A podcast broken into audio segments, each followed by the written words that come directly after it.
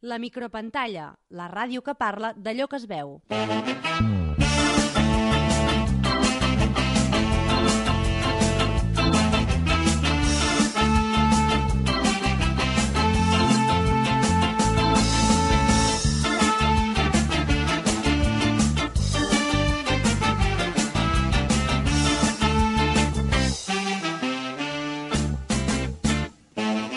Què tal? Benvinguts a la Micropantalla, el vostre programa radiofònic online sobre l'actualitat audiovisual. Un programa on repassem les novetats de la setmana sobre cinema, televisió i noves tecnologies. Recordeu que ens podeu escoltar quan vulgueu al web www.micropantalla.com i que podeu estar al dia si ens seguiu al Facebook i al Twitter. Busqueu-nos amb el nom Micropantalla. Participeu, compartiu i retuitegeu-nos.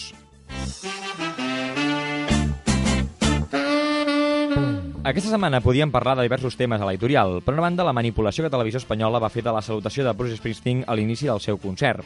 Va dir hola Barcelona i ells van fer que digués hola Espanya. No cal dir res més. Per altra banda, estaven eh, també els crits que va haver d'aguantar Anna Pastor. Els manifestants del 15M acusaven a la Sexta de manipulació.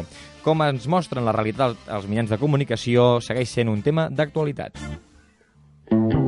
A nivell internacional, aquest tema també genera controvèrsia. La televisió britànica pública, la BBC, per exemple, modèlic d'imparcialitat i d'independència respecte als poders polítics, també està en el punt de mira.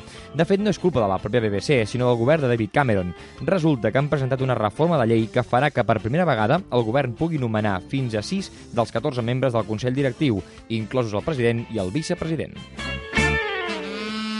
Durant els 94 anys d'història, els membres directius de la televisió pública els escollien els propis treballadors.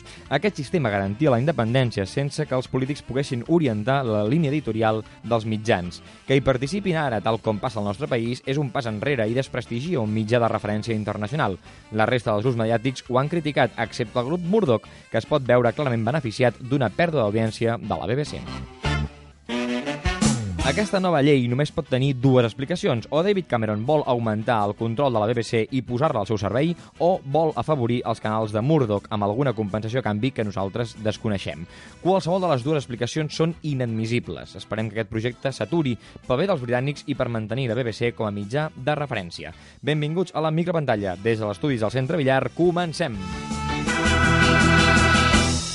Enganxa't a la micropantalla amb Roger Granel.